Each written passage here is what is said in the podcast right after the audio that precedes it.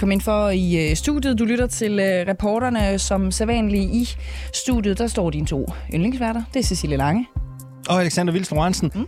Og lige om 10 minutters tid, så skal vi blive klogere på, hvad det egentlig er, Christian Thulesen Dahl har øh, gjort galt i Dansk Folkeparti. For det er der jo nogen, øh, der mener. Blandt andet Lene Bakkesø, der er formand for Lokalforeningen i, for Dansk Folkeparti i Tønder. Hun mener faktisk, at Christian Thulesen Dahl han saboterer partiet indefra. Hvordan? Hvad har han gjort? Og hvad skal der ske med ham, ikke? Fordi han har jo sådan stadigvæk et lille års tid, hvor han kan sidde derinde, efter han nu har meldt ud, at han ikke genopstiller for Dansk Folkeparti. Mm. Det spørger vi Lene Bakkesø om om 10 minutter, øh, som sagt, her på øh, reporteren.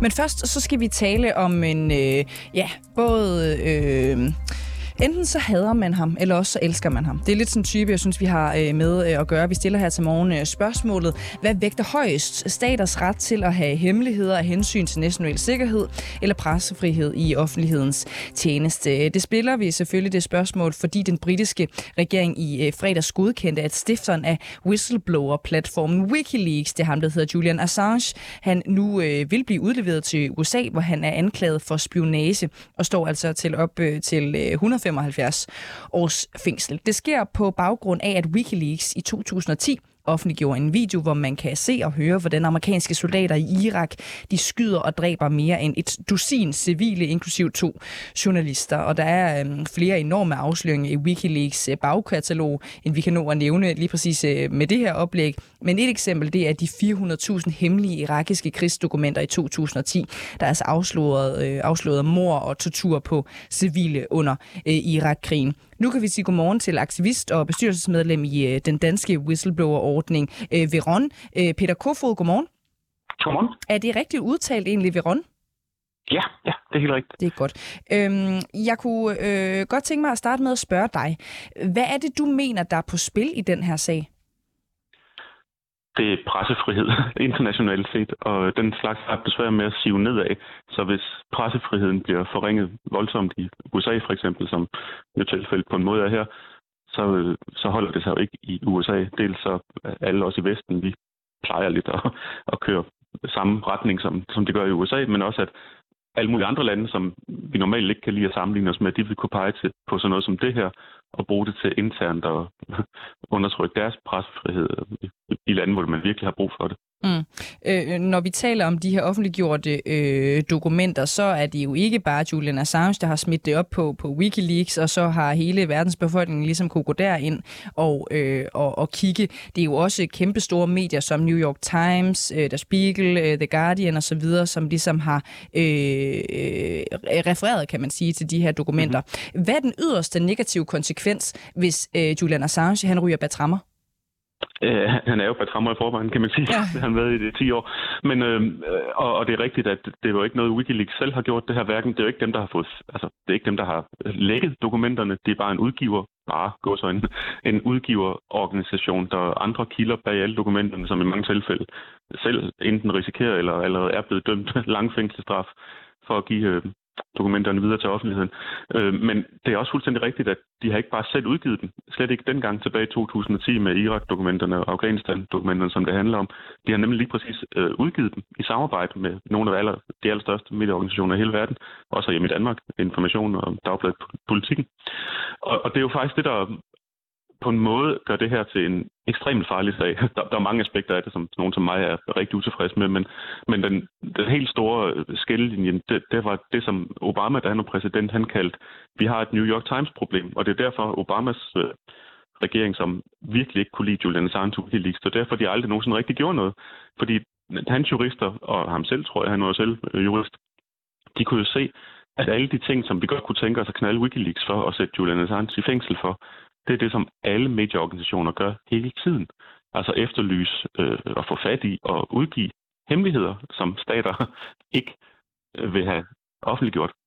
Og hvis man, især et land som USA med den retspraksis, der er der, hvis man først får dømt nogen for det, så er det pludselig hele feltet, der er kriminaliseret. Der, der er ikke nogen objektiv skillelinje mellem det, som man forsøger at dømme Julian Assange for, Wikileaks for, og som medier gør hele tiden. Og den præcedens, den er jo farlig, det kan alle se. Det kunne selv Obama og hans justitsminister se. Så derfor så valgte de ikke at gøre noget.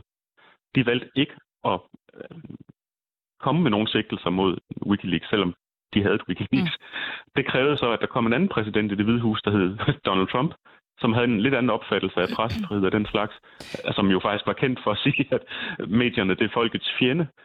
Og det var ham, det var Trump og hans justitsminister, der så endte med at bringe det her sigtelser, som har ført os til, at vi står her i dag. Mm. Så man det er lidt tankevækkende, sige... at det er Joe Biden, der så skulle til mm. at få det til at blive eksekveret, men det, det må jo en anden slags. Så man kan sige, at der er ikke øh, øh, noget at sige til, hvis øh, journalister som mig og medier i, i det hele taget ryster i bukserne over øh, den her præcedens, som, som de kan øh, øh, bringe, hvis Julian Assange sådan for alvor ryger, øh, ryger i spillet. Men øh, jeg kunne også godt tænke mig at, at, at spørge dig ind til, om, hvad skal jeg sige, ganske almindelige mennesker vil kunne komme til at mærke en konsekvens af det her. Altså øhm, folk, som, som ikke udgiver noget, og som måske øh, går op i, at øh, der ikke udbryder øh, krig, og der bliver spændinger i det land, de bor i osv. Øhm, får det også konsekvenser for dem? Altså, det får det i hvert fald på mindst to måder, og den ene er, at det er relateret til det, du selv sagde, ikke? at hvis journalister rundt omkring begynder at ryste i bukserne, og det, det er desværre bange for, at nogle journalister allerede gør nu, mm. dem der arbejder med fingrene tæt ned i, i den her slags materie, det kommer i yderste konsekvens til at, at betyde, at borgere i den frie, demokratiske verden, de ikke får adgang til information om, hvad der foregår i deres navn. Og det lyder sådan lidt højdragende det hele. Altså, men alt det her, det handler jo om Irak-krigen og Afghanistan-krigen, som Danmark jo selv var med, medvirkende i, og har sendt soldater ud for at dø og blive slået ihjel og deltage i krigsforbrydelser, hvad ved jeg, ikke? Altså på forkert grundlag. Og, og, og den slags ting vil jo kun blive mere af, hvis magthaverne rundt omkring føler, at, at de kan blive kigget endnu mindre i, i kortene, end, end tilfældet har været nu. Altså, lige nu er der jo den her ret store, ret vigtige krig i øh, Ukraine, hvor alle de samme principper jo er på spil. Altså, det, næsten ugenligt, tror jeg, der udgiver Ukraines efterretningstjeneste jo nogle lækkede dokumenter fra russiske opsnappede militære ting og sager. Ikke? De har udgivet en liste over russiske soldater, der medvirker i, i krigen og sådan noget. Mm. Noget mere radikalt end noget Wikileaks nogensinde har gjort. Og, og det gør de jo, fordi at information er vigtig. Det er vigtigt for et land, der er i krig, men det er også vigtigt for offentligheden i hele verden. Men hvis vi også alt, skal prøve ja. at, at vende den om, øh, øh, Peter Kofod, ikke? For så, så, så kunne man øh, forestille sig, at der nok også er en grund til, at de store verdensledere synes, det er skide irriterende, når Wikileaks og andre for eksempel øh, lægger deres hemmeligheder. Altså, jeg tænker bare på, at nogle af de dokumenter, som Assange har været med til at, at videreformidle, er dybt øh, fortrolige. Så jeg tænker også på, om der ikke er øh, en eller anden grænse. Altså, skal enkelte personer aldrig kunne straffes, hvis de viderebringer informationer, som kan bringe et lands sikkerhed i fare? Det er et svært spørgsmål. I det her konkrete tilfælde, der har vi jo heldigvis USA's egen domstols ord for, at der ikke er sket nogen skade, hverken på mennesker eller på national sikkerhed over de her dokumenter. Det kom frem under retssagen mod en af kilderne tilbage i 2012, noget den stil, til Chelsea Manning. Men, men sådan mere principielt, så er det jo fuldstændig rigtigt, at der er en totalt modsatrettet interesse hos magthavere, stater og efterretningstjenester og så medieorganisationer. Sådan er det. Det, det, det, det, det er derfor, vi har medier. Ikke? Hvis man kun kan videregive ting, som staterne gerne vil have videregivet, så er det jo ikke journalistik, så er det jeg ved ikke, PR eller spin mm. eller et eller andet. Og, og, og vi har måske været lidt for vant til at se, se det hele som om, at der er sådan perfekt harmoni mellem medier og politikere, fordi vi lever i et lille hyggeligt land, hvor man ligesom kan møde hinanden og tage ja. telefonen og snakke, eller det kunne man... Men det, det er også fordi, jeg, egentlig, Men... jeg er slet lidt øh, interesseret i din egen personlige holdning, øh, mm. Peter Kofod, fordi du er også aktivist, og du er medstifter af den her whistleblower-platform og så videre. Altså det er bare, om, om du selv synes egentlig, at der er en grænse for, hvad man også som journalist går vi jo også og tænker en gang imellem, at vi er ansvarlige mennesker, øh, mm. og, og nogle gange også selv går med nogle overvejelser om, jamen, hvad vælger man at bringe, øh, for eksempel af hensyn til politiets arbejde og, og hvad der ellers kunne være. Ikke? Øh, synes du, at der er en chance, eller hvad skal man sige, en grænse for, hvad man kan øh, videredele?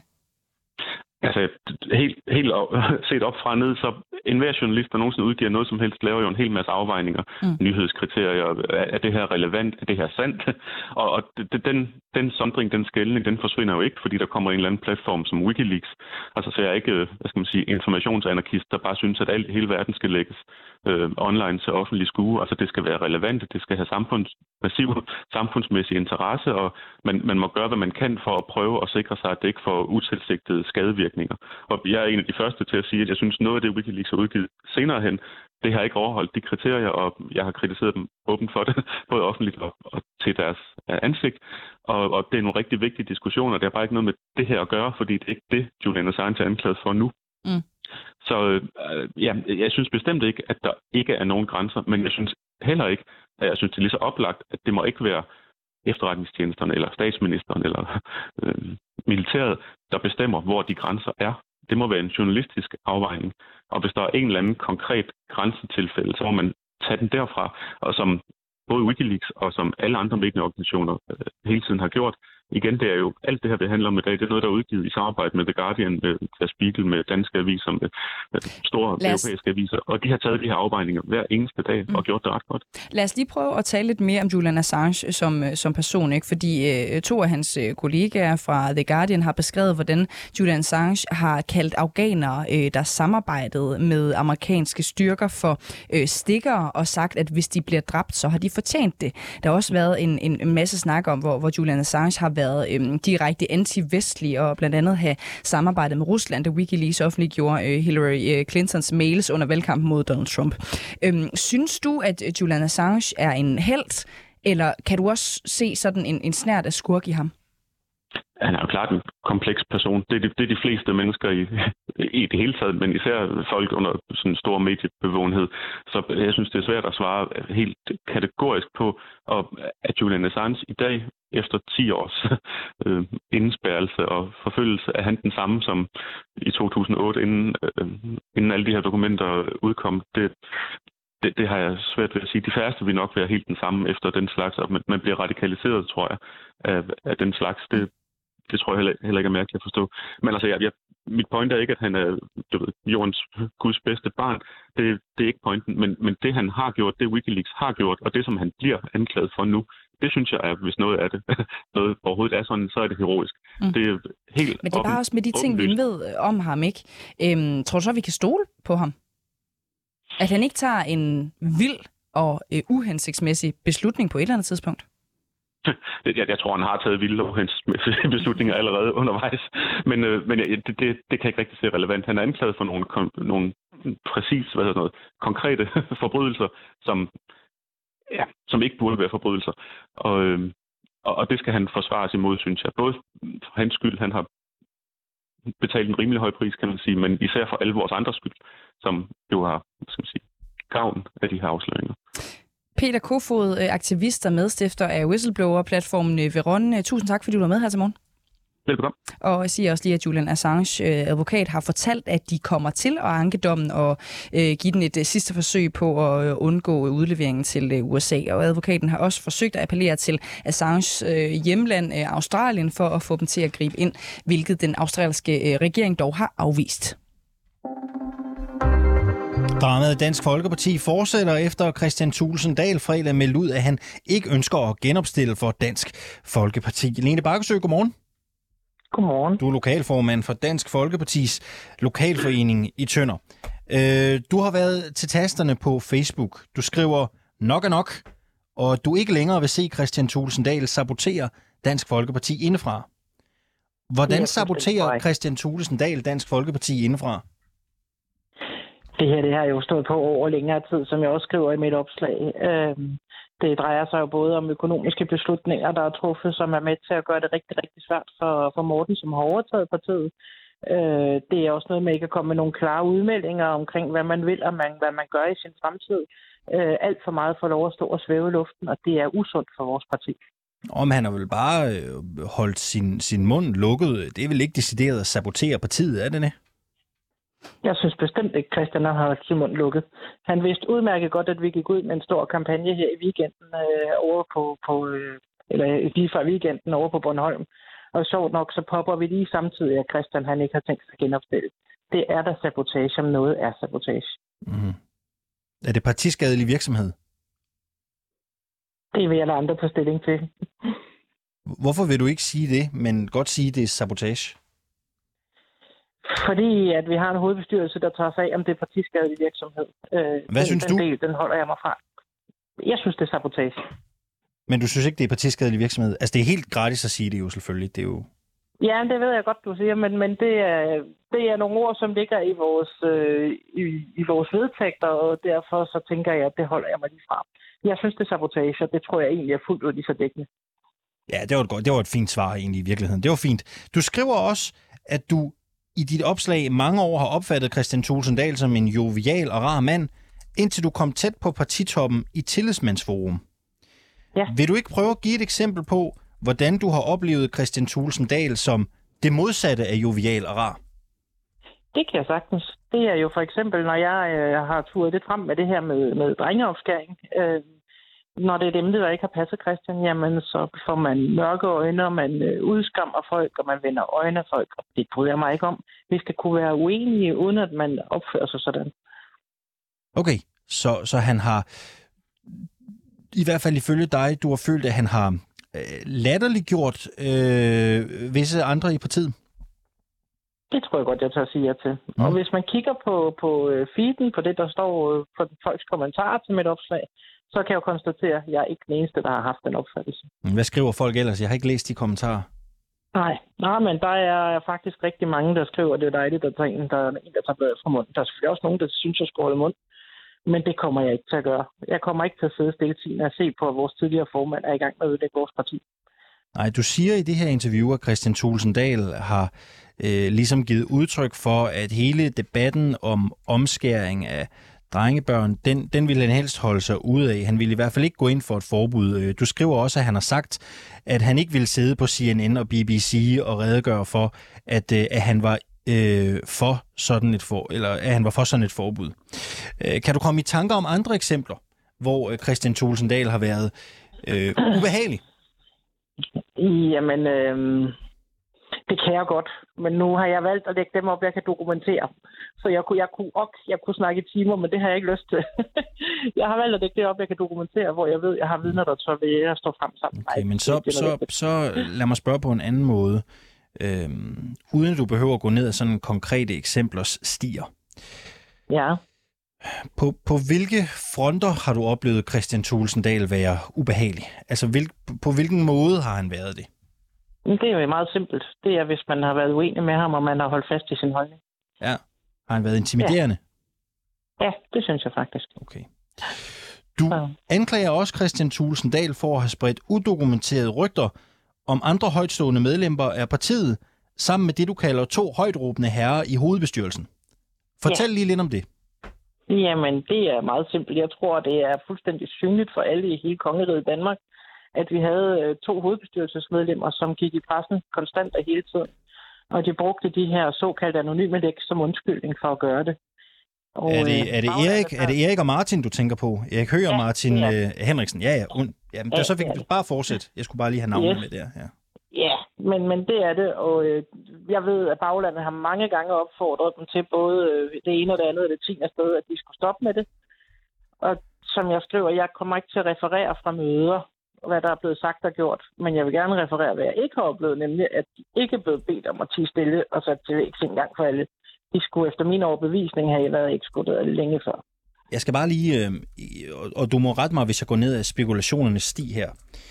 Mm. Men du mistænker Christian Thulsen Dahl for at have givet kritikere af Morten Messerschmidt lang snor, og måske også have set gennem fingre med, at de har lægget øh, fortrolige oplysninger til pressen. Ja, det gør jeg. Ja, okay.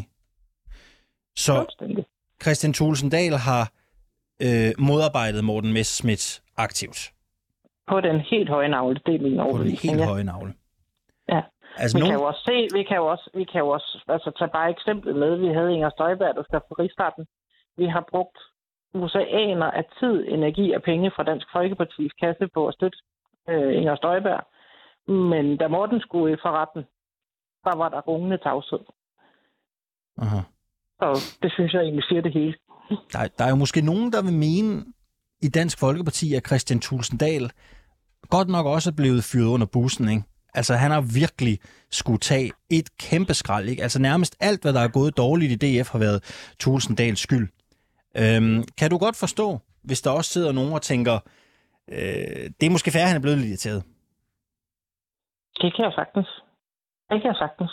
Men øh, jeg kan bare konstatere, og det er også det, jeg skriver tydeligt. Det er min opfattelse, jeg beskriver. Det er mine oplevelser, jeg beskriver. Det er meget tænkt, at nogle andre har en anden opfattelse, og nogle andre beskrivelser, eller de har oplevet. Det er fair nok for dem. Når du står frem og retter den her kritik af Christian Tulsendal, Bidrager du så til en bedre stemning i Dansk Folkeparti, eller en dårligere stemning? Mm, det vil jeg da andre om at afgøre. Det uh, pt. så mener jeg, at uh, det var på tide, at der var nogen, der sagde noget. Okay. Men du, kan ikke, du vil ikke svare på, om du bidrager til en bedre eller en dårligere stemning i partiet? Det kan jo kun de næste dage vise. Hvad tror du selv? Jeg vil sige det sådan, at øh, de tilkendegivelser, jeg har fået flest af i går, det var, at der var en lette stemning over, der endelig var en, der turde tale om elefanten i rummet. Nu har du jo øh, Christian øh, Thulesen Dahl siddende i cirka et års tid nu, ikke alt afhængig af, hvornår valget kommer. Ja. Øhm, du siger, Christian Thulesen Dahl saboterer partiet indefra. Det er ja. din opfattelse. Ja. Han har sagt, at han ikke vil genopstille for jer, men han sidder der alligevel i måske et års tid endnu. Ja. Øhm, mener du, at Christian Thulesen Dahl burde ekskluderes øh, for det, han har gjort? Altså, synes du, det ville være bedre at få ham ud af partiet øh, og komme videre i teksten? Det er jeg fuldstændig fortrøstningsfuld over for, at vi har en hovedbestyrelse, der må tage stilling til. Men hvad synes du, Lene? Nej, men det kommer jeg ikke til at gå ind i, for jeg sidder ikke i hovedbestyrelsen. Jeg bliver desværre ikke valgt ind. Mm. Vil du blive ked af det, hvis Christian Thulsen Dahl blev ekskluderet af hovedbestyrelsen?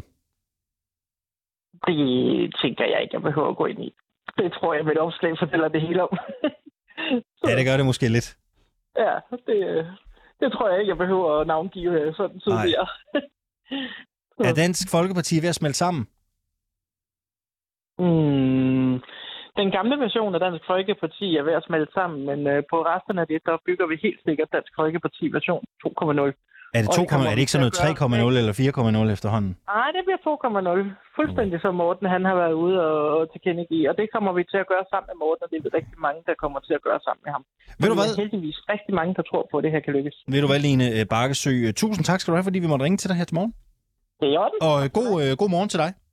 Tak i lige måde, du. Hej. Line Bakkesø, som altså er lokal øh, foreningsformand for Dansk Folkeparti i Tønder øh, Cecilie. Mm. Og vil klart tale også, ikke? Man ved måske godt, hvor skabet skal stå, øh, efter at have hørt, hvad, hvad Lene Bakkesø mener om ja. Christian Tulsendal, og måske også hans eventuelle fremtid i Dansk Folkeparti. Ikke? Ja. Synes du, vi skal prøve lige at læse et par øh, bud på øh, navne på Inger Støjbergs nye parti op? Ja, har du nogen? Så er kom med dem. vi skal lige prøve, fordi der, der er godt nok mange. I er også velkommen til at bare gå ind på vores Facebook-side og, og komme med jeres bud. Øh, 508 kommentarer er der ind til øh, videre, så det er da i hvert fald noget, der... Øh, der, øh, der er nogen, der skriver ikke danske værdier, for det er det ikke. Demonisk Folkeparti, øh, så kan de få initialerne DF efter et parti, der er i hastig opløsning. Ja, okay. Apropos, ja. ikke? Øhm, hun skal da helt klart holde fingrene langt væk fra alt om dansk og øh, Danmarks. Okay, det er så nogen, der, der ikke mener, at Inger Støjberg øh, er lige med danske værdier. Øhm, Slyngelstuen. Ja. Ja.